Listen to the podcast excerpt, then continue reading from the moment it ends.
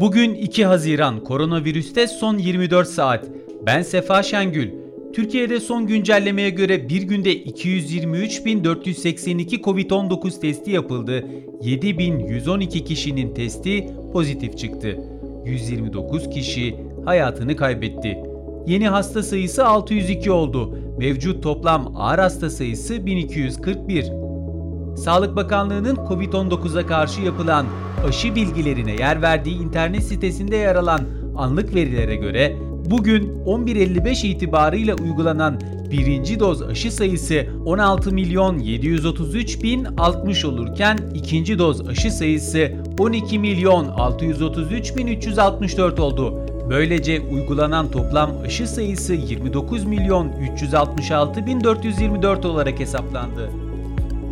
Sağlık Bakanı Fahrettin Koca COVID-19'la mücadele kapsamında güvenilirliği ve etkisi kanıtlanmış her aşıyı vatandaşlarla buluşturmaya devam edeceklerini belirtti.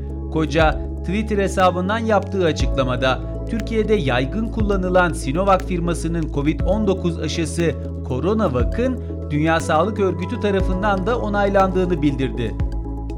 Toplumsal bağışıklamada ikinci aşamanın son basamağı kapsamında 50 yaş ve üzerindekilerin aşılanmasına başlandı.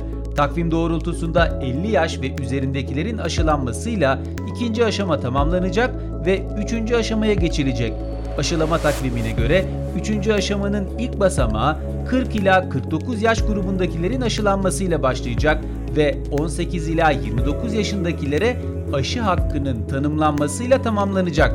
Dördüncü aşama kapsamında da sırası geldiği halde aşı yaptırmayan kişiler aşılanacak. Dünyadan gelişmelerse şöyle. Dünya genelinde Covid-19'a karşı bugüne dek 1 milyar 940 milyon dozdan fazla aşı uygulandı. ABD'li ilaç firması Moderna, 18 yaş ve üzeri için geliştirdiği aşının nihai onayı için ABD Gıda ve İlaç Dairesi'ne başvuracağını duyurdu. Dünya Sağlık Örgütü Teknik Heyeti Lideri Kerkov, koronavirüs varyantlarına yeni isimler verildiğini bildirdi.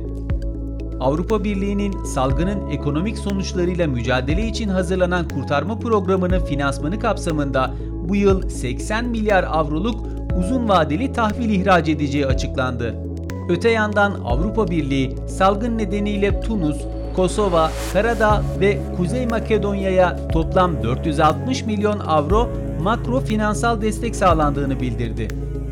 İngiltere'de salgının başından bu yana ilk kez günlük ölüm rapor edilmedi. Almanya'da salgındaki risk seviyesi yeni vakaların gerilemesiyle çok yüksekten yükseğe düşürüldü. Japonya'da 24 Temmuz'da başlayacak Tokyo Olimpiyatlarına katılacak sporcuların aşılanmasına başlandı. Malezya'da ise son günlerde vaka sayılarında görülen yoğun artışı önlemek üzere tam karantina uygulaması başlatıldı. Dünyada bugüne dek Covid-19 teşhisi koyulanların sayısı 171 milyon 962 bin 456. Toplam ölüm 3 milyon 576 bin 847. Anadolu Ajansı'nın hazırladığı koronavirüste son 24 saatten bugünlük bu kadar.